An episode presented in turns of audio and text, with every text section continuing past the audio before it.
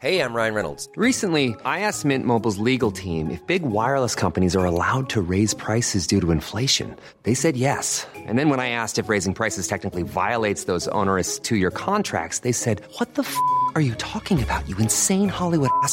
F- So to recap, we're cutting the price of Mint Unlimited from $30 a month to just $15 a month. Give it a try at mintmobile.com slash switch. $45 upfront for three months plus taxes and fees. Promo rate for new customers for limited time. Unlimited more than 40 gigabytes per month. Slows. Full terms at mintmobile.com. Vi är sponsrade av Mindler och som ni säkert vet sedan tidigare så är vi ju ute på psykologresan tillsammans. Men hur vet man egentligen när det är dags att söka hjälp? Ibland uppstår saker i livet som kommer utmana oss och kännas tufft. Det mesta självläker vi oss igenom, för vi är menade att ta oss igenom en viss mängd påfrestningar. Men ibland behöver man professionell hjälp för att ta sig ur jobbiga perioder i livet. Men vart går då gränsen? Vad är en del av livets skavighet och när är det läge att söka hjälp? Det sägs till exempel att stress är farligt, men att också kan vara bra. Alla sover dåligt ibland, så när har man egentligen sömnproblem? Ångesten kommer väl krypande för de flesta någon gång. Så när ska man se ångesten som outhärdlig? Hur vet jag? Med oss som psykolog har vi såklart min gamla psykolog Linnea Seidbrant. Okej, Linnea, hur mycket ångest är en del av livet och när ska man liksom söka hjälp för den? Ja, men ångest är ju en känsla som vi alla får då och då. Men när ångesten är så pass återkommande och intensiv att den påverkar ditt fungerande och orsakar ett stort lidande, då tycker jag att det är dags att söka hjälp. Sök hellre för tidigt om du är osäker. Då kan vi oftast med en ganska enkel insats förebygga svårare ohälsa. Och det är bra att tänka på att du förväntas ju inte kunna diagnostisera dig själv med någon fysisk ohälsa. Och det behöver du inte heller kunna göra när det kommer till din psykiska ohälsa. Vi kommer att hjälpa dig att avgöra. Gud vad det där är, alltså Det är det tror jag är haken för så många, inklusive mig själv, att jag ska redan veta vad mitt problem Jag ska är ha innan jag kommer in. till... Ja. Ah. Jag ska komma till psykologen och säga hej, jag har liksom eh, PTSD och trauma och eh, kanske eventuellt ADHD och eh, är nedstämd och kanske en depression.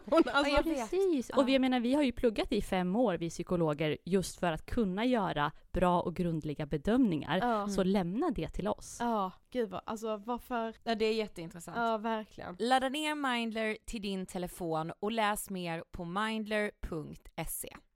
Hej allihopa! Innan vi sätter igång dagens avsnitt så vill vi berätta att vi återigen på grund av covid-19 har behövt flytta fram vår scenshow Ångestpodden en kväll på Skala, en kväll i Lund och en kväll i Göteborg. Ja, och det här är ju givetvis pisstråkigt, men vi känner samtidigt att i det här läget så måste vi ta det säkra för det osäkra och så får vi typ tänka så här att ja, nu blev det inget femårsfirande, men då blir det ett sexårsfirande istället. Ja och kanske lite så här 300 avsnittsfirande. Ja, det kommer det typ kunna bli där ish. Exakt. Mm. De nya datumen som gäller är för 2021 och det är den 27 februari i Stockholm, den 6 mars i Lund och den 12 mars i Göteborg.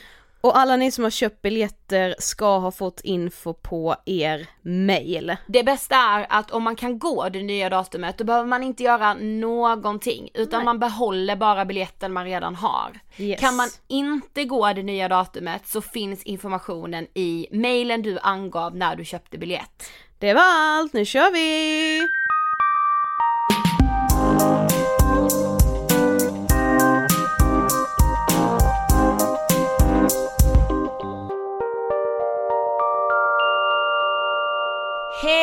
Hej på er! Välkomna till avsnitt 283 av Ångestpodden. Hello! Gud, jag kände bara att förra veckans avsnitt Mm. blev en banger. Ja, jo. Nej men det var jättemånga som gillade det och jag är jätteglad för det. Och jag älskar verkligen, jag har verkligen börjat leva efter att livet är 2 plus. Ah fan vad gött. och det så låter skönt. liksom deppigt men alltså det är så jävla skönt och befriande. Mm, jag vet. Att bara så här, nu är du så här, punkt. Ja men lite så, så här, lite nu är det så här, men också att så här, man kan bli, alltså vissa dagar märker man att men idag är det fan tre plus. Ja, precis. Alltså, Och hur mycket man uppskattar små saker då som gör kanske att så här, dagen överlag har varit två plus, Mm. men just det här, det var fem plus. ja Så. precis, Ja. nej men verkligen. Mm. Och också, alltså jag menar, ja det kanske låter lite depp när Mm. vi säger det, men för mig är det en helt annan trygghet. typ. För mig är det pepp. Ja, för mig är det pepp. Mm. Ja men trygghet, men- absolut. Ja, Lite trygghet i, alltså det kanske låter jättekonstigt men så här, lite trygghet i att må lite dåligt. jag fattar. Alltså vet så här, man, absolut inte att man ska gå runt och må piss, superpiss eh, under längre perioder. Men så här, du vet när man har en dag som bara så här.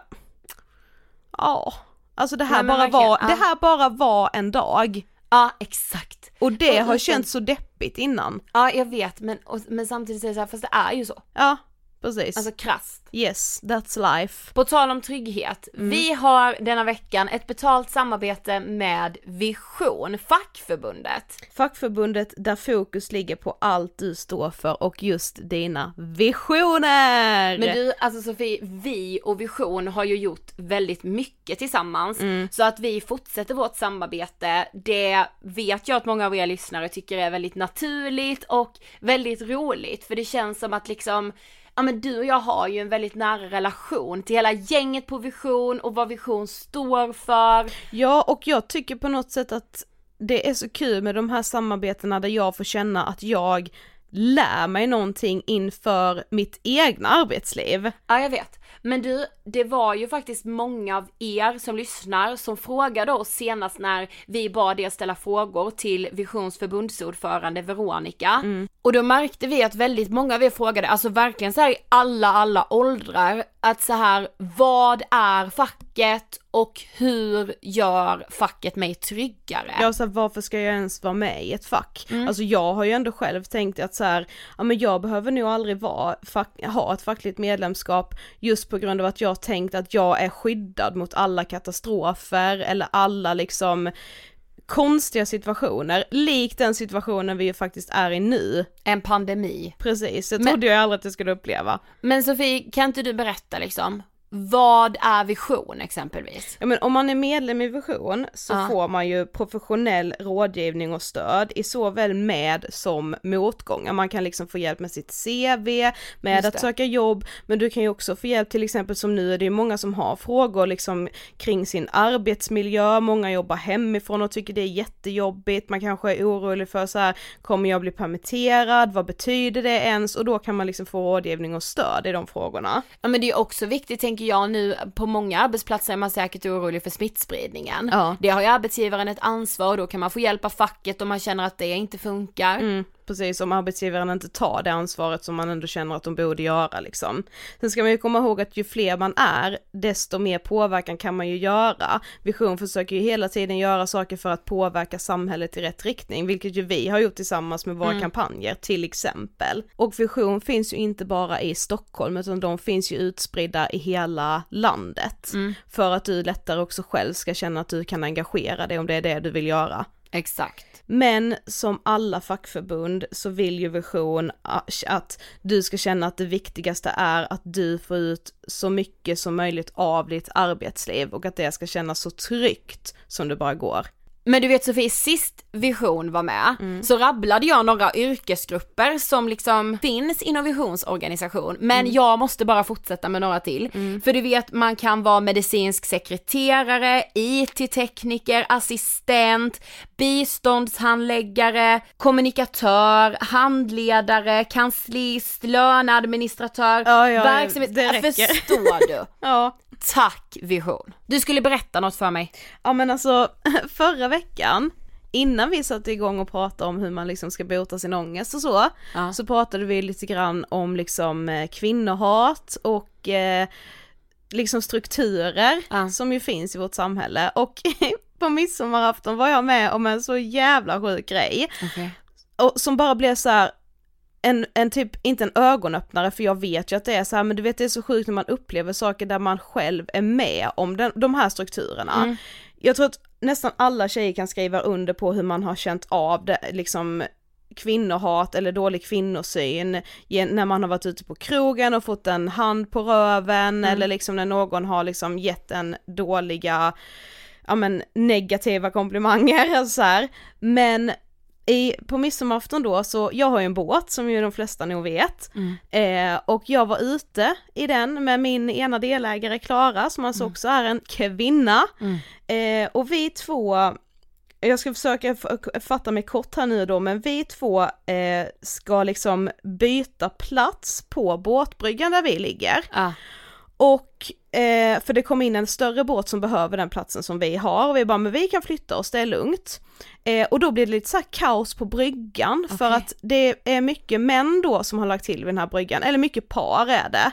Eh, men männen då hoppar liksom av sina båtar och bara så här, shit, vi måste hjälpa de här tjejerna att liksom byta plats. Oj, ja. Eh, och vi är så här, då, då kommer det en gubbe och bara, "Ja, men ska jag hjälpa er eh, kasta loss liksom? Jag bara, ja, visst du kan ta den ena tampen, det är bara schysst, jag hade kunnat göra det själv liksom. Eh, och så säger han så han bara, ja men, men ska vi inte vänta på de andra?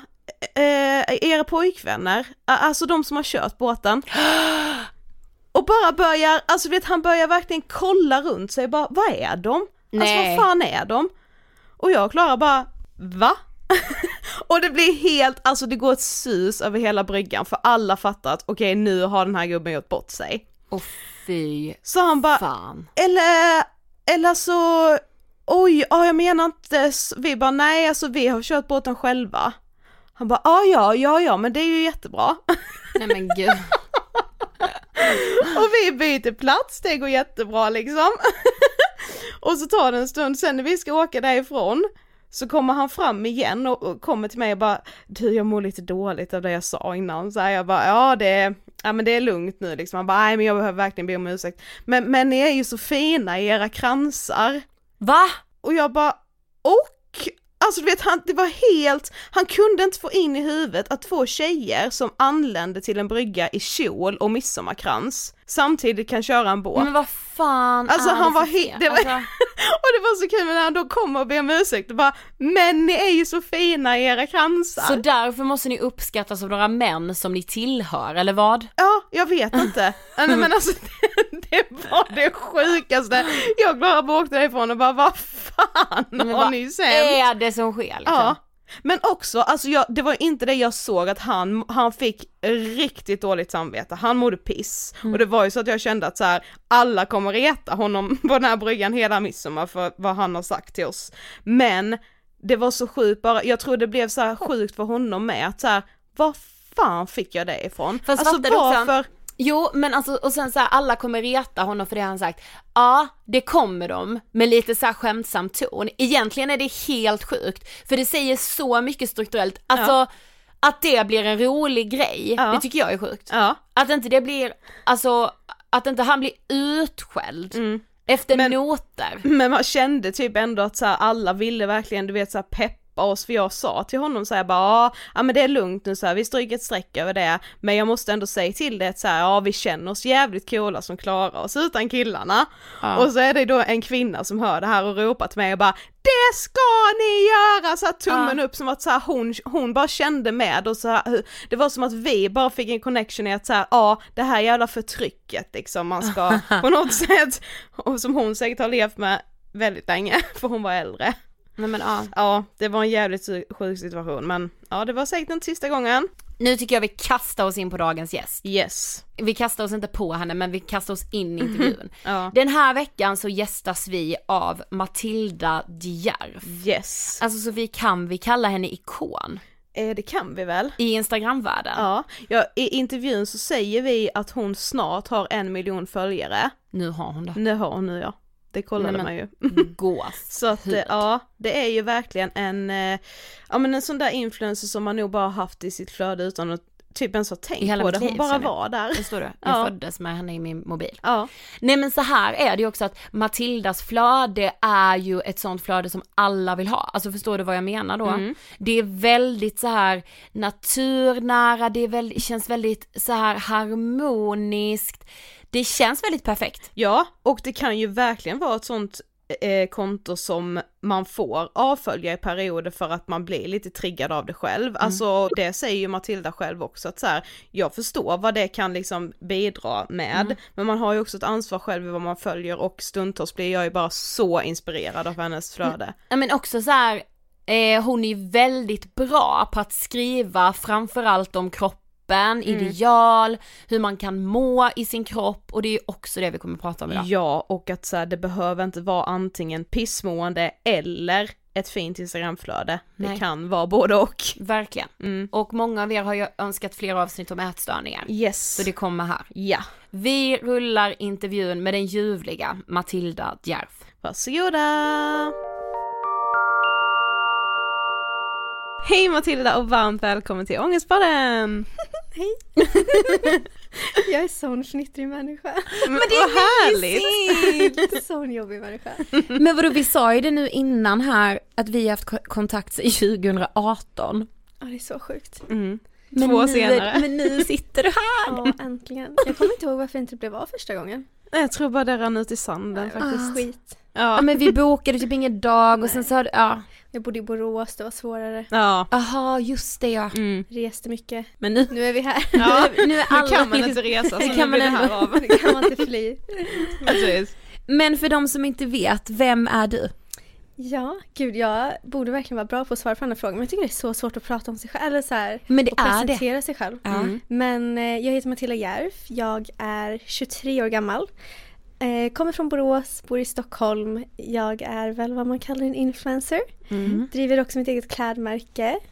Har skaffat en hund som heter Rufus. Så jävla gullig! Så, ja. Alltså det är ont i mig när jag är borta från honom. jag är verkligen så en galen hundmänniska. Ja, det galen är- hundmamma också. Sofie. Jag med. Manisk. Ja. Men eh, nej, vad, vilken tråkig presentation. Nej, det var Nej, nej det var tydlig och bra. Men vad tänker du på när du hör ordet ångest? Mm, ont i magen. Mestadels ont i magen. Eh, ja, nog ont i magen. Mm. Tycker ångest är ett sånt jäkla laddat ord. Och det är så svårt att, vad heter det? Define it liksom. Ja. Det är så Mm. svårt att förklara vad. Men det är bara extremt mycket känslor. Mm. Och typ obehag. Liksom. Ja.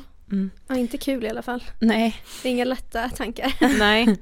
Men nu, alltså inför att du skulle komma hit så sa jag och Sofie det, alltså vi har följt dig på Instagram, nej men alltså hur länge som helst känns det som. Nej men det är så här, jag bara, det är som att du har alltid bara funnits i mitt flöde. Alltså, Kul. ja men det är verkligen så. Men alltså, när började du liksom med Instagram? Alltså och hur blev du så stor på Instagram? Alltså jag, jag skulle vilja säga att jag började med Instagram Alltså jag började jobba med Instagram 2018. Eh, sen Det är bara 2000 två år sedan. Ja, det var då liksom jag började verkligen så jobba med det och Ah. typ så här fattade typ att så här, shit, detta kan liksom bli ett jobb. Ja. Eh, innan det, jag, det började med att jag var i, vad heter, vart var jag? I Karibien i tre månader med min pojkvän efter vi varit i, eh, efter vi hade tagit studenten 2016. Mm. Så reste vi runt och jag har alltid älskat bilder, jag har alltid älskat kläder och fota. Så då fotade vi massa eh, och då tvingade jag liksom min kille stå med en liten kamera, en liten digital kamera. Så här på karibiska öar. Och då fick jag 3000 följare och jag var verkligen så här 3000 följare är så jävla sjukt. Jag bara Rasmus det är 3000 följare, alltså det är 3000 Ja. människor som följer mig. Eh, så kom jag hem till Sverige och sen den hösten så åkte vi till eh, Bali och Australien. Och då fick jag 2017 i februari fick jag 100 000 och var så här Ah. shit 100 000 Mm. det här, det här är mycket. Ah. Men det var inte förrän 2018 som jag verkligen var så här okej typ det här tjänar jag pengar på liksom. Ja. 2017 var mer ett år där jag kände så att okej jag kanske kan ha detta som ett jobb. Jag tog liksom mer Instagram-jobb men jag tjänade inte riktigt pengar så att jag klarade mig eller Nej. så här. Och min pojkvän jobbar heltid med mig så att det var inte så att vi kände att så här okej vi klarar oss. Men eh, 2018 blev det verkligen så här shit det här går bra. Mm, ja nu har du ju snart Ja. en miljon Ja, följare. jättekonstigt. Ja det är så kan roligt. ens! Men alltså så det är ändå så här, alltså när jag tänker, för mig känns det ju som att jag har följt dig sen, Jag kan nog varit med där sedan 100 000 ungefär. ja gud, det måste jag Alltså, men du, du är född 97? Ja precis. Ja okej du är yngre än oss, vi är födda 93 Mm. Men för mig är det så här, jag alltid, alltså jag bara, jag följde dig 2012. Typ. Alltså, Då så- hade du inte Instagram Ida, men okej. Kom inte Insta typ 2012? Jo, jag tror jag skaffade Instagram 2012. Ja, När jag jag, tror typ det. såhär, Ja. la ut riktigt såhär heavy edited photos med deras såhär filter typ. Valencia och Ja, alla dem. Och jag älskade verkligen Valencia. Jag med. Det var ju go-to-filtret för alla tror jag. Men du är uppväxt i Borås som sagt, Mm. hur ser du tillbaka på din uppväxt? Jag... Hmm, det är en bra fråga. Jag är uppväxt i Borås, sen bodde jag i USA i två och ett halvt år. Eh, och när jag ser tillbaks på min uppväxt så ser jag nog väldigt mycket, USA är en väldigt, väldigt stor del utav det. När var du där? Eh, 2006 till 2008. Mm. Så jag, jag har ju försökt komma på vilken ålder det var. Men det är 2020 nu och jag är 23 minus Åh gud, ska vi Ja. ta vänta, då var ju du... Du, född 97 sa vi. Mm. Då var du ju typ, eh, Men du var ju typ 9, 10. Ja men jag tror det. Ja. Något sånt där Mm. i den åldern. mm. Eh, så när jag tittar tillbaka på min barndom så alltså USA är en sån himla stor del utav det. Eh, och det är typ det jag mest ser. Eh, men eh, ja, typ gymnasiet och sånt var inte så jävla lattjo. Men själva barndomen och uppväxten. Alltså jag kommer ju från världens finaste familj. Min familj är ju verkligen så här mitt allt. Mm. Jag är en riktig familjemänniska. Mm. så att eh, jag ser väldigt mycket, alltså mörka perioder fanns ju verkligen. Men eh, överlag känner jag verkligen så här. jag tror jag har glömt frågan. Nej men du, bara ser tillbaka på din uppväxt. jag tycker vi fick ett bra svar på Ja det. men jag med. Men vad häftigt alltså att vara i USA typ i den åldern. Ja. Alltså för jag, men jag tänker så här, det måste vara så lätt att ändå bara så här lära sig språket, komma in i det, för man är ändå inte liksom, Gud ja. ah, Alltså, men var, var det hela din familj som var Det där? var hela min familj, så min pappa var i militären. ah. Så att eh, hela min familj flyttade dit. Vi hade ju liksom bara varandra. Jag kunde ingen engelska. Alltså jag kunde typ säga Hi my name is Matilda men det var liksom det. Mm. Min mamma fick vara med mig i 20 minuter första skoldagen. Så att alltså jag satt ju bara och bölade. alltså jag grät och grät och grät. Det hade jag med gjort. ja men jag alltså så här, och inte kunna göra sig, alltså och inte kunna kommunicera var så hemskt. Ja. Eh, så skrev vi dagbok varje dag i skolan och så fick jag skriva på svenska och sen tror jag det var efter två veckor så gick jag fram och frågade så här Hi Mrs Brown, så här, får jag skriva på engelska nu? Eh, och det var typ så fort det tog. Men jag tror att det var så för att så här, man hade inget val och man var i den åldern där man tar emot så mycket. Precis. Så att så här, jag bara lärde mig så jag är så tacksam över det. För Mm. nu känner alltså så här, engelska är ju liksom det är inga konstigheter för mig. Mm. Vilket är så skönt med mitt jobb. Men under högstadiet så utvecklade du en ätstörning. Ja. Berätta. Jag har också försökt hitta tillbaka på detta men Mm. det är så svårt. Jag tror att man inte riktigt så kommer ihåg Mm. typ riktigt hur det började. Jag försöker alltid fundera så här, varför jag fick en ätstörning Mm. men det är en sån jävla komplex grej liksom. Mm. Det tror jag jag aldrig kommer förstå varför jag fick. Eh, men det var i högstadiet. Jag tror att det var typ så här. Jag vet att 2010 var en extremt jobbig period för mig. Eh, min pappa var i Afrika och jagade pirater, vilket låter helt sjukt. Va? Alltså jo, ah, han gjorde det seriöst? Ja, han var ju militär så att han var i, vad heter det, den kusten där nere. Ah. Ja. Eh, och jag har alltid varit så här pappas lilla tjej typ och Mm. det året var väldigt så här, ensamt. Jag hade mycket, jag kände mig väldigt utanför bland alla i skolan och jag har alltid så länge jag kan minnas i skolsammanhang har jag alltid känt mig väldigt så här, malplacerad. Mm. Jag har aldrig riktigt så här, känt att så här, men här passar jag in eller typ jag ska vara här. Jag har alltid känt att så här, vad fan gör jag här liksom? Ja. Eh, så jag tror att min ätstörning kom till för att det var mycket, jag var väldigt missnöjd i livet och kände mig väldigt ensam. Och så var kanske det ett sätt för mig att få kontroll på någonting. Mm. Eh, men eh, det var, ja det var mycket. Men jag hade ju alltså så här konstiga grejer i, i högstadiet också. Jag hade en vikarie som var hemsk, alltså hemsk människa. Mhm. Och hon höll en klass, jag tror typ aldrig jag har berättat detta, det är så hemskt, jag skrattar. Men hon var helt kuku. Hon, hade, hon höll en klass och så skulle hon prata om hur alla var typ i klassen. Så hon sa ju till någon typ, ja men du är tönten i klassen. Och typ du är, ja men han som tycker att han är lite cool typ, du är han som är cool som vill ha cigaretter. Nej, men- Och så kom hon till mig och bara, ja men du är ju en bitch.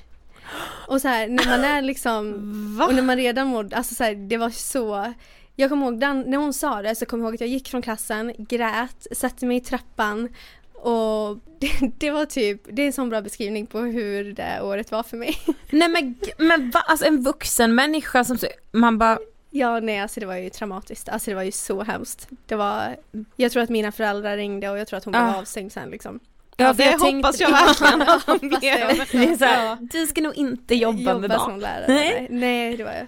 Men vad skulle du säga att du hade för relation till din kropp under den här tiden? Alltså jag hatade min kropp. Min kropp var liksom min värsta fiende. Eh, jag skrev mycket dagbok på den här tiden Mm. och om jag läser tillbaks i dagboken så var det verkligen bara så här hata mig själv, hata min Mm. kropp. Hur kan jag äh, inte äta utan att någon ser? Typ hur kan jag, idag vägde jag så här många kilo, hur kan jag komma ner ännu lägre? Eh, så det fanns ju absolut ingen som helst kärlek där, det var ju bara Mm. hat. Mm. Men visste liksom typ personer i din omgivning hur du mådde?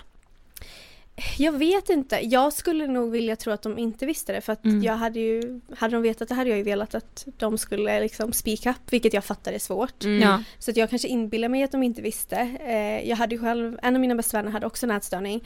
Så vi två tillsammans var ju jättetriggande. Det var ju Ja. så här, vi stod i matsalskön och typ tog hon en potatis då skulle jag ta en halv potatis. Ja.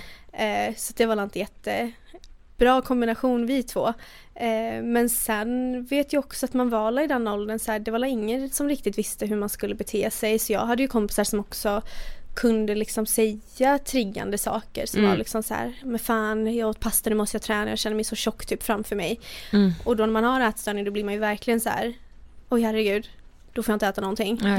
Eh, så nej, vänner tror jag inte visste det. Eh, och min familj visste ju inte det heller. Nej. Men det är så sjukt hur det är liksom, hur det samtalet, för det vet jag det var på vår högstadieskola också, Mm. att det var liksom ett naturligt samtalsämne, Ja. att så här, unga tjejer ska prata om mat Eller- kopplat till sin kropp Ja, och så här, det är liksom som att så här, ja men det finner ju, eftersom vi är tjejer så finner vi alla ett gemensamt intresse av att prata om att så, Mm. "Åh, gud jag är så tjock och Ja. åh, nej jag ska äta det här nu eller jag ska börja träna det här för att gå ner i vikt, det var liksom Mm. det naturliga samtalsämnet. Det är Ja. så hemskt. Ja, Det är så det är sjukt. så jävla Också vidrigt. att man lär sig så tidigt kan jag tänka att så här. Ja nu har jag ätit pasta, då ska jag skämmas. Ja, Eller så då ska jag göra mig av med det. Ja, För det är dålig mat. det är så konstigt att man kopplar pasta till någon sån negativ grej. Att det Ja. är här, kolhydrater är ens fiende. Det är det ju inte. Man behöver ju kolhydrater för att leva Ja. liksom. Ja. Vår hjärna behöver det, vår kropp behöver det. Ja. Så det är så konstigt att man från sån tidig ålder när man är liksom typ så här 12-13 år att man tänker att pasta är farligt. Mm. Ja. att det är det värsta man kan äta Mm, liksom. Pasta och bröd är liksom Ja. big no-no. Det är så sjukt. Ja. Så, Ja. Man undrar ju vart det kommer, alltså vart fasiken lär man sig det egentligen? Exakt. Man, det är som att man bara vet det, speciellt Mm. som tjej liksom. Mm. Ja. Men hade du haft någon tidigare relation till ångest innan du fick din ätstörning? Jag tror inte det, inte vad jag kan minnas men jag har också världens sämsta minne. Alltså verkligen groteskt dåligt minne. Mm. Men nej jag tror inte det. Jag tror att det var väldigt mycket, alltså där jag, vad heter self-harm, vad heter det på svenska? Alltså Själv- självskada, Själv, själv, ja. självskadebeteende. Ja. Eh, där de två hörde ju ihop liksom. Och jag tror att det var då, det var då första gången jag verkligen så upplevde ångest på Mm. det sättet liksom. Men sökte du någon hjälp för din ätstörning eller för liksom självskadebeteendet eller så? Ja, alltså grejen var att jag var i, jag tror det var i åttan eller nian i gymnasiet så hade man praktik och Ah. då eh, min pappa jobbade i Stockholm, han har alltid jobbat i Stockholm så han pendlade. Så att eh, han fixade praktik till mig och mina två bästa vänner Mm. i Stockholm. Så att eh, vi var där och sen när jag kom hem så hade jag lämnat min dator hemma. Jag tror det var så här. Så hade min mamma och pappa hittat min dator. Och på den tiden hade jag en Tumblr. Mm. Ah. som tack gode gud inte finns längre. Eller man Mm. använder väl inte det längre. Eh, och den Tumblr var ju bara en så här pro anorectic Tumblr så det var ju bara så här självskadebilder och bilder på alltså kroppar där man såg reben och man såg nyckelben och man, alltså det var ju liksom undernärda människor. Mm. Eh, och det var ju, alltså det var ju en grej på Tumblr då. Ja, Det jag skulle var precis liksom säga här- det, det var verkligen en Ja, grej. ja, ja, så här pro Anna Tumblrs var ju liksom. Ja precis. Ja. det var var ju- skitstort. Ja, vilket är helt sjukt Mm. att Ja. det ens fick finnas sådana bilder. Mm. Eh, och så hade de hittat dem bland sidan och då sa de typ såhär du behöver hjälp. Mm. Eh, så då gick jag till en psykolog. Eh, jag sökte privat, tacksam, extremt tacksam att jag hade föräldrar som liksom tog tag i det och som Mm. kunde betala det. Eh, men jag tror att när jag gick till psykolog så var det inte jag tror att vi pratar om väldigt mycket ämnen som självklart hörde ihop med min ätstörning och mitt självskadebeteende men som vi kanske inte riktigt gick ner på djupet. Nej. Mm. Och det kanske var för att jag inte riktigt tillät det för att jag tror inte jag kände liksom så här att det här är min person som jag Nej. vågar prata med liksom. Så att det hjälpte ju absolut. Men eh, skulle jag göra det idag skulle jag ju kanske sagt istället att så här, nej men jag vill gå till någon annan. Mm. Ja. Det är ju så viktigt att man känner sig bekväm. Ja. Exakt. Och man får ju verkligen, alltså om det är någon gång man får vara picky är det ju verkligen när man ska gå och prata med psykolog. Eller man, hur? Måste ju vara, man måste ju känna sig trygg liksom. Ja, Verkligen. det är så sant. Mm. Men gud, alltså hela det här pro-an, alltså hela Ja, det, det communityt. Mm. Fast jag vet faktiskt inte hur stort det är idag, för ibland kan vi ju få mail om att det liksom finns fortfarande, alltså det är ju typ att man själv är så långt ifrån Ja. det. Mm. Men när vi var yngre känns det som att så här, alla visste om Mm. det och ville typ gå in och kolla på det. Alltså så här, Ja det är så hemskt. Alltså Ja. jag, vet inte, jag vet inte om jag inbillar mig men jag tänker typ att så här, till exempel på Instagram, det är ju liksom där man använder nu, typ Instagram och TikTok och ja, precis. vad det nu är. Jag känner ändå typ att där känns det som att det finns mer hårdare guidelines. Ja exakt. Vilket Det har ju verkligen hoppas, liksom. tillkommit sen det startade för det fanns ju inte alls de reglerna som det Nej. gör idag och Nej, inte just den här nej. funktionen att man kan anmäla att man är orolig för någon Precis. och så. Det. Det finns ju Precis. jättemånga funktioner idag på Instagram. Jävligt tur alltså. Ja, Ja. Fy fan alltså, en Mm. riktig Tumblr är livsfarligt. ja Gå verkligen. inte med i det hörni. Nej, men vad skulle du säga att du har för relation till din kropp idag? Idag känner jag mig nog väldigt trygg i min kropp. Eh, och, alltså, jag menar herregud jag är ju bara människa så att det går ju verkligen upp och ner och jag alltså, jag är en person som är extremt nära mina känslor. Mm. Så att så här, i, ibland älskar jag mig själv och ibland vill jag bara slå mig själv typ för att Ja. fan, livet suger ibland liksom. Mm. Men just med min kropp så känner jag verkligen att så här, jag har kommit till ett sånt stadie där jag verkligen har lärt mig att så här, det är så här jag ser ut. Min kropp är inte till för att den ska vara snygg eller se på något speciellt sätt utan det är mer så här, min kropp är till för att ta mig igenom livet och det är jävligt coolt liksom att man har hur många organ i kroppen som helst som Mm. bara funkar. Mm. Jag vet inte hur den funkar men de bara funkar liksom.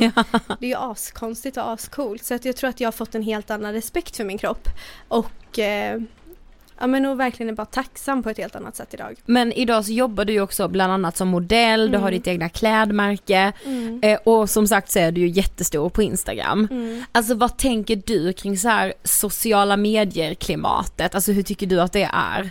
Alltså det är ju jag önskar att det var bara så här rainbows and butterflies och helt fantastiskt men det är det ju inte. Och jag fattar ju själv att om man går in på min Instagram Spring? Is that you? Warmer temps mean new Allbirds styles. Meet the Superlight Collection, the lightest ever shoes from Allbirds, now in fresh colors. They've designed must have travel styles for when you need to jet. The lighter than air feel and barely there fit makes these shoes some of the most packable styles ever. That means more comfort and less baggage. Take the Superlight Tree Runner on your next adventure. Its cushy, lightweight foam midsole supports every step, and the extra outsole traction gives you the grip to just go for it. The eucalyptus fiber upper adds next level breathability to keep you going all day. Plus, the Superlight Tree Runner is comfortable and ready to go right out of the box. So, what can you do in a super light shoe? What can't you do is the better question. And because they're super packable, the real question is where are you taking them? Experience how Allbirds redefines comfort. Visit allbirds.com and use code SUPER24 for a free pair of socks with a purchase of $48 or more. That's A L L B I R D S dot com, code SUPER24. kan man säkert bli triggad och känna saker. Men jag känner också att så här, någonstans så har man ju en, alltså har man ju ett ansvar. Och Ja. jag har ju valt att liksom prata om saker. Jag har ju valt att vara öppen för att jag känner att så här, jag förstår att jag är liksom en tjej Ja. som är i, alltså, i samhällets normer liksom perfekt Ideal, eller mm, ideal vad man nu mm. ska säga. Eh, så jag har ju valt att prata om det jag gör för att jag tycker det är så pass viktigt. Sen tycker jag ju att alltså, sociala medier är ju skit också. Det finns jättemycket fantastiska människor man kan följa som man mår bra utav. Och jag pratar om det så ofta att det är så noggrant att avfölja människor som Mm. man blir triggad av. Alltså Instagram är ju som verkliga livet liksom. Man vill ju inte vara omringad av människor man mår dåligt utav. Då måste man ju liksom avfölja dem på Instagram också. Eh, men jag känner ändå att eh, sociala medier eh, det är ju verkligen både bra och dåligt. Jag känner att det kanske börjar gå mot lite mer positiv, Mm. eh, in the, säg positiv, vad heter det? Riktning. Ja. Riktning. Ja. Det är inga lyssnare som ser att jag sitter och pekar. Jag tog den direkt där. Eh, nej det börjar ju bli mycket, mycket bättre. Speciellt typ om man kollar tillbaks typ som när jag hade Tumblr liksom. Mm. Sådana Ja. sidor. Även om jag Exakt. skulle söka tror jag inte att jag skulle hitta dem på Instagram Nej. liksom. Men eh, jag vore ju naiv om jag sa att sociala medier bara tillför positiva känslor och Mm. att det är skitnice liksom. Mm. För det är det ju inte alltid. Nej. Men, Men, jag, men jag måste bara säga, men jag tänker mig så här, alltså visst att man har ju ett ansvar som profil och så här influencer, Mm. men man har ju också, alla som är på Instagram har ju ett Gud, ja. eget ansvar också. Gud, alltså, ja.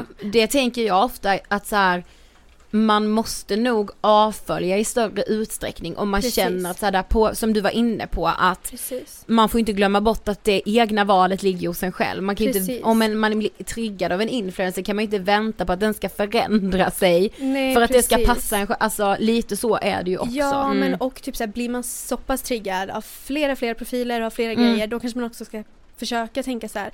Varför blir jag så här triggad? Ja. Exakt. verkligen försöka hitta problemet liksom. Mm. Eh, men ja. Mm.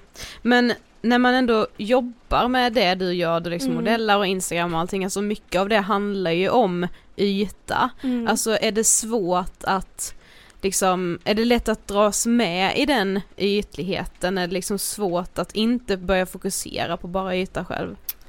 Alltså för min del så känner jag faktiskt att så här, för min del är det inte så svårt. Mm.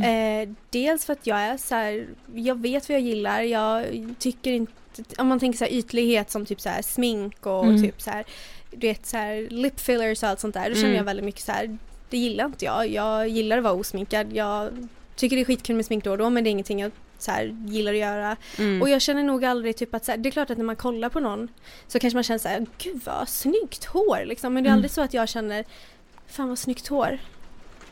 Hon får inte vara så snygg, nu mår jag dåligt, jag vill ha det. ja. Så här, det känner inte jag längre och jag tror att det är för att jag jobbar på mig själv så pass mycket. Eh, så att för mig är det inte så lätt att dras med längre. Tack, alltså thank God liksom för att annars är det ju enkelt. Mm. Eh, men jag tror att det beror på att jag jobbar så mycket på mig själv hela tiden Mm. för att inte dras med i det. Mm. Och för att, jag vet inte, jag vill inte generalisera men det finns så mycket människor som gör mycket och det är inget fel med det. Så här, man får ju göra hur mycket fillers och sånt man vill liksom. Mm. Men jag tycker det är ganska nice. Jag tänker hela tiden så att jag vill vara den människan jag själv hade velat följa när jag mådde dåligt. Ja. Eh, och det är det jag hela tiden tänker. Så jag tror att det tankesättet gör att jag liksom dras tillbaks lite från Mm. det tror jag. Mm. Alltså jag tycker typ när jag tänker så, Ja. då får man lite perspektiv på grejer också. Mm, typ så här, precis. tänker lite, för då ser man plötsligt sig själv lite sårbar ung. Mm. Och typ så här, det, jag vet inte, på något sätt så bara hjälper det mig jättemycket. Ja. Mm. Men, men vi, du skrev ett inlägg på Instagram Mm. eh, om hur dina armar alltid hade varit en kroppsdel som du, Mm. ja men du tyckte om eh, och sådär. Men plötsligt förändrades det för att Mm. ett företag som du jobbade med redigerade dem. Alltså berätta, alltså vad var det som hände? Nej men alltså grejen är, jag har alltid så här haft extremt, jag får muskler på mina armar jättelätt och Mm. även om jag inte tränar så får jag typ så här, min axel, eller mina, vad heter det, detta är en axel. Ja. Ja. Åh nej, förstörde jag micken? Nej, det var ingen fara. Vet du det? Och jag har alltid liksom haft så att det ser ut som att jag har muskler och det är ju så här, i min uppväxt har det varit så här, ja men både bad, ibland så störde jag mig på det för att jag såg ut att ha jättebiffiga armar och ibland bara fan vad nice, jag ser ju asmuskulös ut, det är ju skitnice liksom. Sen gjorde jag ett jobb med eh, ett australienskt märke och då var det jag och en fotograf i Italien. Inte nog med att jag fotade typ 100 lux på alltså två dagar ute på location och fot, alltså bytte om i typ 40 grader i. Positano och det är typ tusen steg. Det var en grotesk plåtning. Eh, sen när, jag, när jobbet går live liksom så har de redigerat allt. Alltså de har redigerat min nacke, de har redigerat mitt ansikte, mina ben, min midja och mina Utan att du armar. har fått veta Utan att detta? jag har fått veta. Och det är verkligen så här typ, jag bara, kan, alltså jag visste inte ens att man kunde redigera en nacke. Nej. Nej varför, jag tänker man- mest bara det är bara ett köttstycke, Ja, vad är det att nej. redigera? Nej det är så absurt att man liksom ens kan göra en nacke smalare och att man känner behovet av att göra en nacke Ja. smalare liksom. Eh, och det var ju såklart så här. Det är inte kul att se när ett företag plötsligt tar sig rätt att göra om ens kropp för att han tycker att han är finare på något sätt. Mm. Exakt. Eh, så det var jag, alltså jag skulle ljuga om jag bara tyckte det var jätteenkelt utan jag tyckte det var skitjobbigt Mm, och det var mm. så här. Det gav ju mig ett, plötsligt såg jag någonting som jag aldrig har sett innan, Ja. typ att jag visste inte ens att jag hade stor nacke. Nej liksom. Eller så stora armar. Eh, och det har nog suttit kvar med mig, speciellt armgrejen har nog suttit kvar med mig väldigt mycket. Typ. Jag kan än idag ibland känna så här, shit vilka stora armar jag har. Typ. Men nu vet jag ju istället för att alltså, låta mig själv tänka det så vet jag att jag nu är så här Matilda lägg av, Mm, det är armar. Mm. Vad fan spelar det för roll? Alltså, Det kommer jag ihåg när jag kollade på Mia Skäringes kroppshets, det Mm. programmet som hon gjorde med SVT, då var det Ja. typ så här, då, då fick man se hur hon plåtades och sen hur de Mm. redigerade bilden och hon sa också det, vilket jag bara vet med Mm. mig själv också när man typ har redigerat sina bilder att hur fort man vänjer sig vid den Mm. redigerade bilden och tänker att men vad det är väl så jag ser ut Mm. och sen kollar man sig i spegeln och bara nej just det, jag har ju redigerat, hur, Mm. hur snabbt man vänjer sig vid den redigerade bilden också Ja, och stämmer tänker att det är så man måste se ut Ja. och det är då man mår piss när man kollar Ja. sig i spegeln sen och bara, Ah. jag ser inte ut så. Det är så läskigt. Ja, Men gud jag tänker bara på den chocken det måste ha varit Ja, att få se och bara jaha, Jaha. lilla jag. Det var inte mycket kvar av mig. precis. Jag försvann jag. Blivit mindre på alla håll kanter. Nej, Men har det hänt dig fler gånger att företag liksom har redigerat? Alltså jag tror inte, alltså typ så här, företag kan ju ibland typ ta bort finnar. Mm. Och det är så här, speciellt typ jag gjorde ett eh, samarbete med smycken och då typ så här, tar man ju närbilder, typ tar de Mm. bort en finne alltså whatever, gör det då för att ibland Ja. har jag finnar, ibland har jag inte. Typ, det lägger jag inte så jättemycket vikt vid. Alltså Mm. jag önskar att de aldrig redigerar bort någonting men Mm. Alltså speciellt, det är skillnad också på att vara anlitad som modell och anlitad som Matilda Järf influencer liksom. Ja, För att när jag är anlitad som modell då har jag inte så mycket säg i det hela. Men när jag är anlitad som influencer då har jag ju plötsligt, då är det ju mitt varumärke som exakt. står på spel liksom. Eh, men efter det jobbet har jag varit extremt noggrann. Så nu varje gång jag gör fotojobb är jag så här, ni får inte redigera. Mm. Eh, det liksom, det får inte hända. Mm.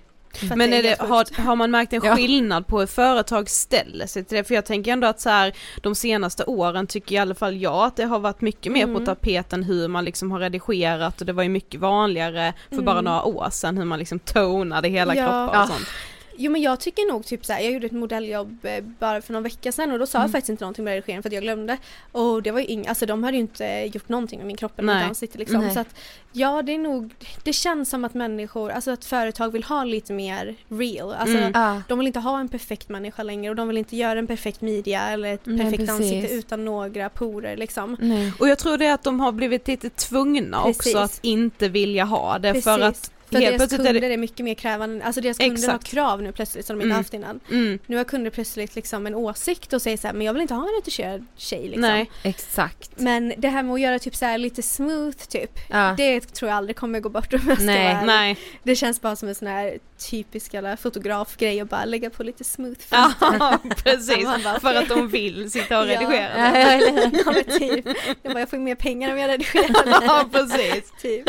Men jag tror också det är så att så här, ja men kunder är så kräsna idag Ja. på ett annat sätt Gud, när ja. de köper kläder. Mm. För att de är såhär, men gud varför ska jag köpa härifrån om ni Precis. liksom redigerar och... Precis. exakt. Och nu Ja. finns det så mycket klädmärken också så som kund kan man vara kräsen och krävande för att så här, Det om man inte många. går till det här märket går man till ett annat märke. Mm. Exakt. Så det är ju asnice. Det är Mm. jävligt coolt när man ser att kunder har makt liksom. Ja. Det är skitnice. Ja men Mm. det tycker jag med. Jo men du är, är ju, alltså precis som du har varit inne på och därför som jag tror att du är så stor på Instagram att så här, men du skriver liksom väldigt mycket om så här vikten av self-love och att verkligen, ja men prioritera sig själv och ta hand om sig själv. Mm. Em, kan du liksom känna ett ansvar gentemot dina följare eller gör du det också mycket för din egen skull liksom? Alltså jag tror att först och främst typ, när jag pratar om det jag kan aldrig tvinga fram något sånt. Typ, Nej. ibland har jag tänkt så att men nu behöver jag nog så här, nu behöver jag nog vet, påminna människor. Men om jag inte känner det så känner inte jag det. Alltså jag kan verkligen bokstavligt talat inte tvinga fram. Nej. För när jag postar något sånt så är det för att jag i stunden känner det, typ mina känslor, som jag sa innan, jag är väldigt nära mina känslor. Mm. Eh, så det går inte att tvinga fram liksom. Så jag tror att jag gör det många gånger för min egen skull och mina följares skull. Mm. Eh, för att det bara känns rätt i tiden typ. Mm. Vilket är konstigt för många gånger när jag lägger ut det så är människor också så här Gud alltså detta hade inte kunnat komma på en bättre dag. Alltså så här, detta var precis vad jag behövde. Mm. Du bara, jag visste det! Men vi läste en annan intervju med dig där du berättade om en gång när du la upp en bild på Instagram där du Mm. hade varit så här, du hade haft en, en dålig dag som alla kan Ja, ha. Ja, eh, och så la du upp en bild ändå bara för att typ så här utmana dig själv och skrev Mm. så här, idag har jag haft en pissdag liksom men nu lägger jag upp den här bilden ändå. Mm. Och då blev det lite som en motreaktion i ditt kommentarsfält? Ja. Att dina liksom följare såhär, va, vem är, varför mår du dåligt typ? Ja, alltså den frågan, jag kommer ihåg, det var när jag var i USA, då, alltså just den grejen, då var jag Mm, bara i ja. USA så jag la ut en bild och satt på stranden och jag kände mig så här, jag hade mens, du vet man känner sig inte alltid skitsnygg när man har mens, Nej. jag kände mig Mm. verkligen så här bloated Mm. och bara så här. Mm. Eh, så kommer jag ihåg att jag la ut och då var det en tjej som du vet bara gick igång och typ alltså var så hemsk. Eh, som tur är har jag extremt extremt snälla följare så att Mm. jag behöver sällan backa upp mig själv först utan det är alltid någon som gör det. Ja. Eh, men många gånger, det jag tycker är problematiskt är att många gånger så får man typ en någon som säger så här att men herregud du har inte rätt att känna så. Mm. Typ har du sett hur du ser ut? Du kan Mm. inte så här, du får inte haft en ätstörning. Du är ju storlek small. Eller så här, vadå? Och det kan jag tycka är så här, man bara jag, det provocerar mig så mycket. Mm. För att så här, jag önskar att om man, alltså så här, jag önskar att man inte kunde, alltså att någon inte hade rätt till någon ätstörning. Mm. Men det är så här, alla har ju rätt till någon ätstörning för att det är ingenting man kan påverka. Nej. Det är, så här, det är någonting som sitter i huvudet. Mm. Det har ingenting att göra med hur jag ser ut. Alltså när jag hade ätstörning, hade jag vägt minus 20 kilo och varit så smal som jag ville vara, hade jag fortfarande haft en ätstörning. Mm. det är så här, det spelar ingen roll hur man ser ut, det är ju bara hjärnspöken. Ja. Så att den där kommentaren kan jag bli så provocerad utav. Det är Mm. inte mycket jag blir provocerad utav på Instagram när människor så skriver konstiga saker. Men det blir jag verkligen så här. men vad fan vet du om det? Mm. Ja, här, exakt. Varför säger du att jag inte fattar en ätstörning? Typ, vet du hur jobbigt det var när jag hade en ätstörning? Liksom? Mm. Det tycker jag är skitjobbigt. Mm. Det, nu börjar jag, alltså jag pratar så mycket men Nej men vi älskar det. Ja, du får klippa jättemycket. det tror jag inte. Nej men eh, jag hade ju en live en gång eh, Ja. och då var det ju en tjej som typ så här kommenterade och bara du ljuger om din ätstörning bara för att få följare. Alltså jag var ju verkligen så här Jag såg denna, för visst Ja. blev du ledsen i Jag började liven? gråta. Ja, och jag, var såg så här, alltså jag började gråta och jag bara antingen så stänger jag av nu Mm. och så här bara låter henne vinna eller så fortsätter jag och visa så här vad du säger bara för att du sitter bakom en skärm så nå, alltså du når fortfarande den människan du skriver till liksom. Ja. Så då valde jag kvar den liven eh, och vi fortsatte liksom att snacka och jag grät och du vet så här, very close to my emotions. Ja. Eh, men, eh, och det är jag så glad att jag, fort, alltså att jag höll igång liven för att Ja. annars hade jag ju verkligen känt som att jag låtit henne vinna liksom. Eh, men det var verkligen så jobbigt att bara, du ljuger om din ätstörning för att få följare. Och jag var så här, gud, alltså jag skulle inte vilja att min värsta fiende skulle få en ätstörning. Det är ingenting man ljuger om för att få följare liksom. Nej. Och gör man det så är det ju något större problem med liksom. Precis. Alltså, så här, för det, ah, då blev jag verkligen så här defeated. Ja. Nej men gud det är så himla sjukt också att, så, här, att ta sig rätten att så här, klampa in i något så privat som att Ja. man så här, har mått dåligt och bara nej det har du inte alls det du gör det för att få följare, usch. Ja, Mm. nej det var, ja.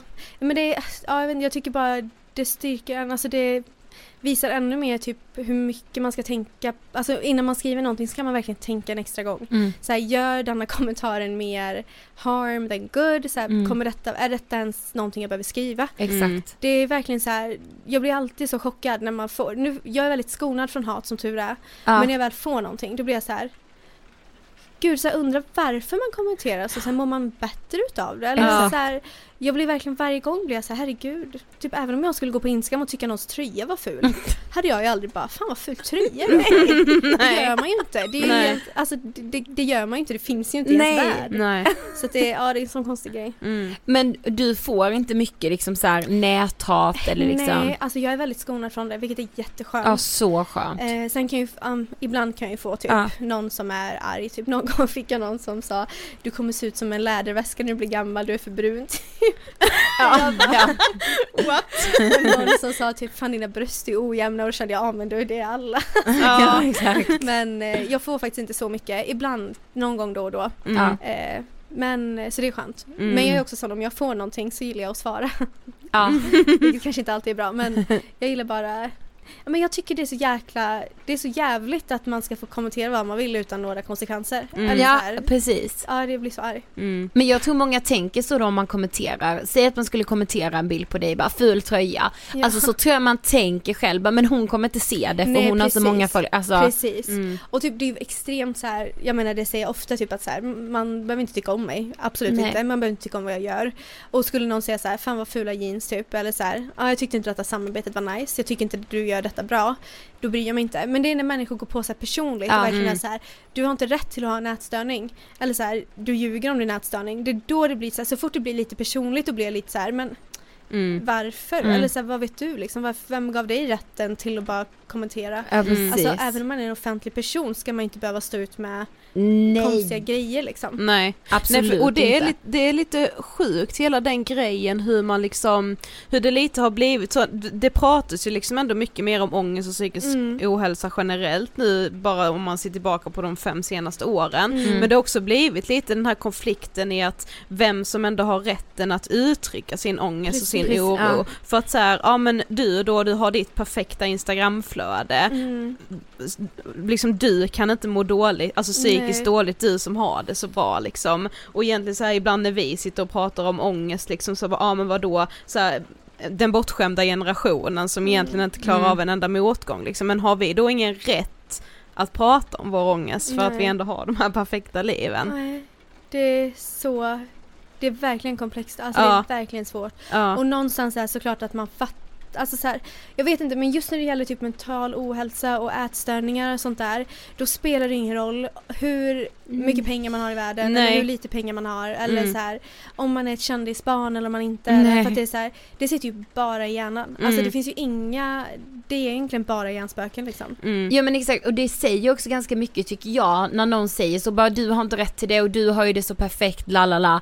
Man bara då vet du ingenting om psykisk ohälsa Ja, eller det men mentala liksom- för det har ingenting att göra med hur mycket pengar, precis, som du säger, hur Precis. mycket pengar man har, vad man jobbar med, hur många mål man har uppnått i sitt Nej. liv. Alltså man kan fortfarande drabbas av en depression när som Precis. helst. Mm. Eh, men det säger ganska mycket att folk ändå fortfarande säger sådana kommentarer Gud ja. att det fortfarande är så mycket okunskap Mm. i de här ämnena Mm. liksom. Mm. Precis.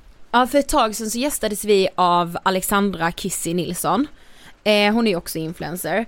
Och då började vi diskutera med henne kring huruvida man ibland tror på sig själv i sociala medier.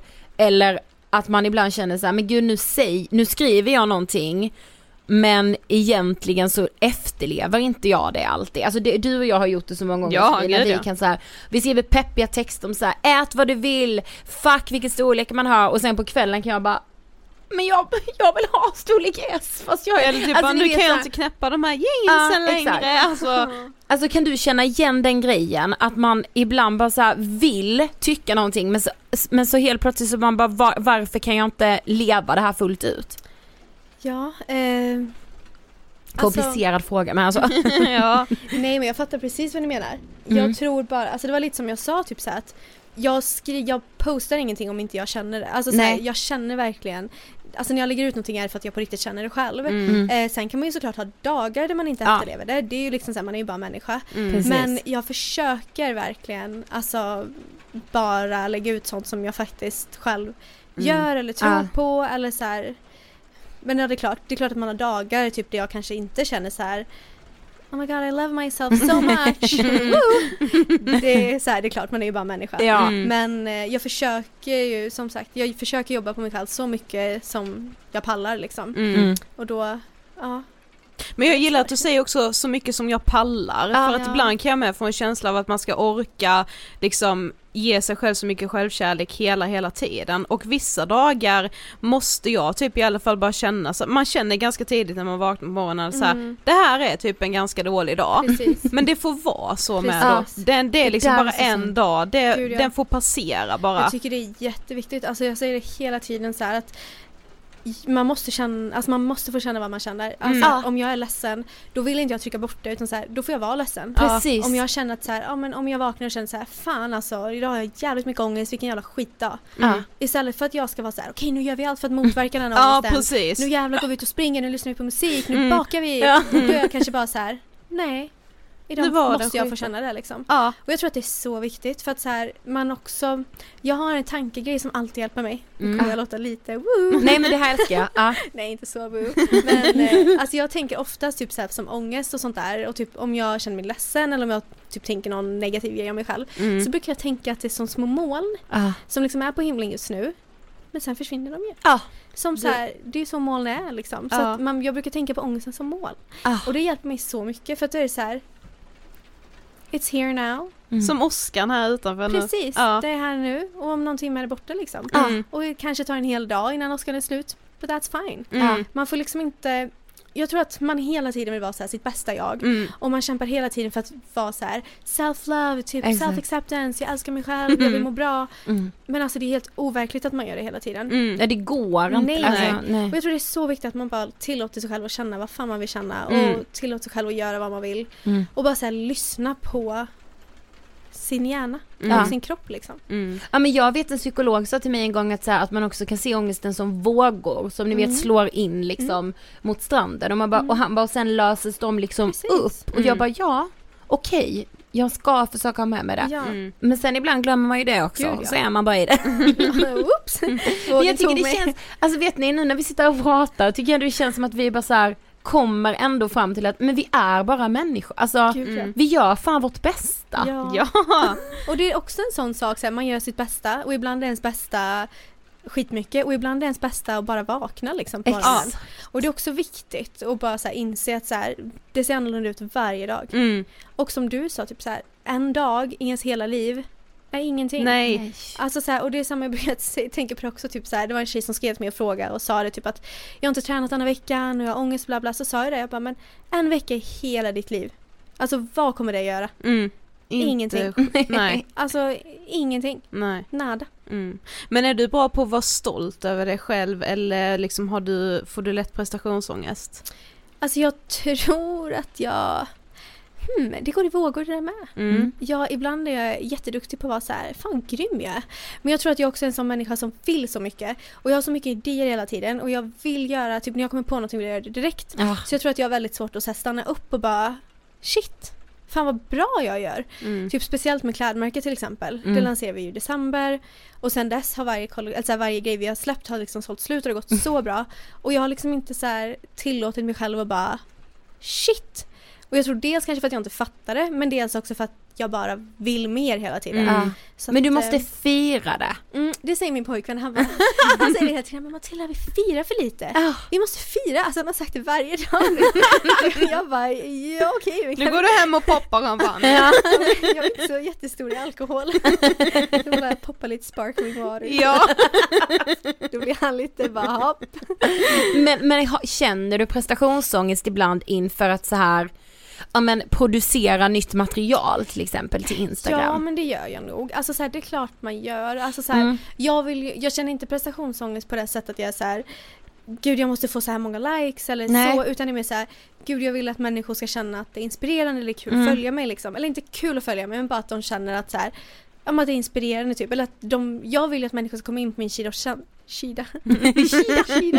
Jag vill att människor ska komma in på min sida och liksom känna någonting. Mm. Och är det glädje eller är det mm, ilska får det vara ilska liksom. Men så här, jag vill ändå att de känner någonting. Helst vill jag att de ska känna sig ett lugn och du vet lite oh, happy. Ja. Mm. Eh, men så att eh, det är klart lite prestationsångest. Speciellt typ nu i coronatider. Ja. Eh, där tycker jag det har varit svårt för att jag har ju verkligen tagit alltså, viruset seriöst. Mm. Och vi har ju så här själv karantänat sen typ Mm. första mars. Och det är inte jättelätt att fota i en lägenhet Nej. med bilder liksom som ska upp varje dag. Mm. Så att eh, det är lite så här Fast jag tycker du har gjort det jättebra, det Ja. måste jag säga. Jag tänkte faktiskt det, jag bara, gud alltså hur gör man då? Alltså för du, du måste ju vara så van vid att så här, resa, nya Ja. miljöer hela tiden. Alltså, Ja men och jag har alltid sagt det typ att Alltså jag, jag är lite så här klyschig men jag tycker att det finns vack- Alltså jag tycker det finns något vackert liksom överallt. mm, Typ jag kan liksom gå typ vid vår lägenhet och bara shit vilket träd. Mm. här, wow, grönt och fint. Så jag är tacksam att jag har, att jag känner så Mm. för jag tycker inte det är svårt att fota överallt. Utan det är mest så här, det är jävligt svårt att fota i en 67 kvadratmeters lägenhet Mm. på typ 14 olika sätt liksom. Mm. Eh, men jag tror också det är någonting som mina, som jag är väldigt tacksam för att mina följare vill ju bara se mig, alltså being real liksom. Mm. Så att, exakt. och det är jag väldigt tacksam för att jag känner inte någon så här prestationsångest att typ så här, gud jag kan bara lägga ut så här bilder där jag sitter på en uteservering eller där jag reser utan jag känner så här, jag kan lägga ut vad fan som helst. Mm. Mm. Och det är väldigt skönt. Och nu är det så här verkligheten ser ut liksom. Precis. Mm. Och typ, jag hade absolut kunnat sätta mig på en uteservering nu och lagt ut bilder. Men jag vet inte, för mig känns det bara fel för att jag tycker inte att man ska göra det. Nej, Nej, inte jag heller. det håller jag med helt. Vi har kommit till sista frågan. Ja. Vad inspirerar dig? Åh, så mycket. eh, dels naturen, extremt mycket. det är typ, jag tror att naturen inspirerar mig för att jag känner så ett lugn när jag kommer ut i naturen. Mm. Typ när jag känner mig lite så här ångestfylld när allting är lite jobbigt så här, får jag bara gå ut lite och lukta på lite träd. Krama lite så. Ni kommer se mig någonstans här i Stockholm. Ja, där har vi Matilda ja. Nu när man träd. får krama människor så får man krama träd. Typ, Faktiskt, alltså. ja. Jag Mm. saknar, alltså jag saknar att kramas. Ja. Det är så jobbigt. eh, nej men sen inspireras jag väldigt mycket av typ så här. Dels typ gamla bilder, gamla filmer. Mm. Eh, men sen väldigt mycket av typ så här nära. Typ så här vänner, familj. Eh, alltså jag inspireras verkligen av så mycket. Mm. Av typ allt. Vilket är ett jävligt tråkigt svar. Nej jag tycker Nej, det är det fint är att väldigt kunna härligt. inspireras av Ja. allt. Ja. Det är liksom en tillgång. Och om man vill följa dig på Instagram, det gör nog väldigt många, men Matilda Järf. Yes. Yes. Tack så jättemycket för att du ville gästa Ångestpodden. Gud jag tyckte att det gick så fort. Ja, men det gjorde det. 45 härliga minuter. ja, jag bara, vad är vi redan? Ah, Det är sjukt. Tack, Tack. att ni vill ha mig. ja.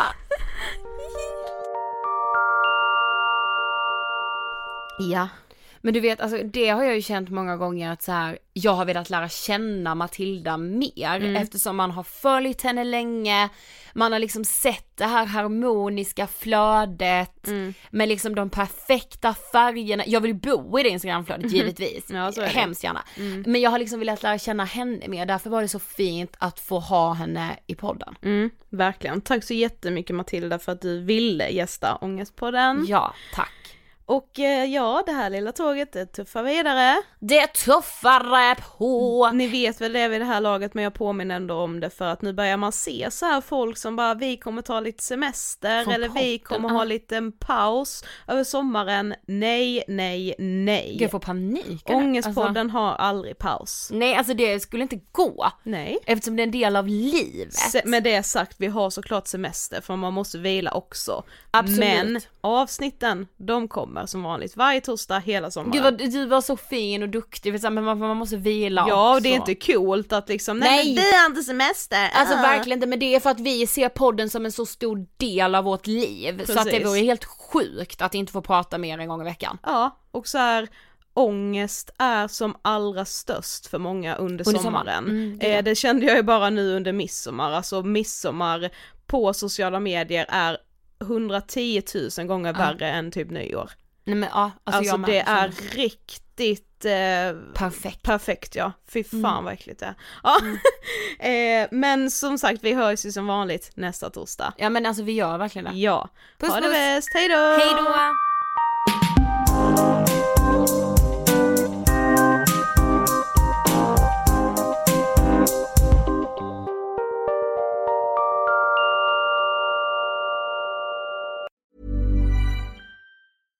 Selling a little or a lot? Shopify helps you do your thing however you cha-ching. Shopify is the global commerce platform that helps you sell at every stage of your business. From the launch your online shop stage to the first real life store stage, all the way to the did we just hit a million orders stage. Shopify is there to help you grow. Shopify helps you turn browsers into buyers with the internet's best converting checkout. 36% better on average compared to other leading commerce platforms because businesses that grow grow with Shopify. Get a $1 per month trial period at shopify.com/work. shopify.com/work.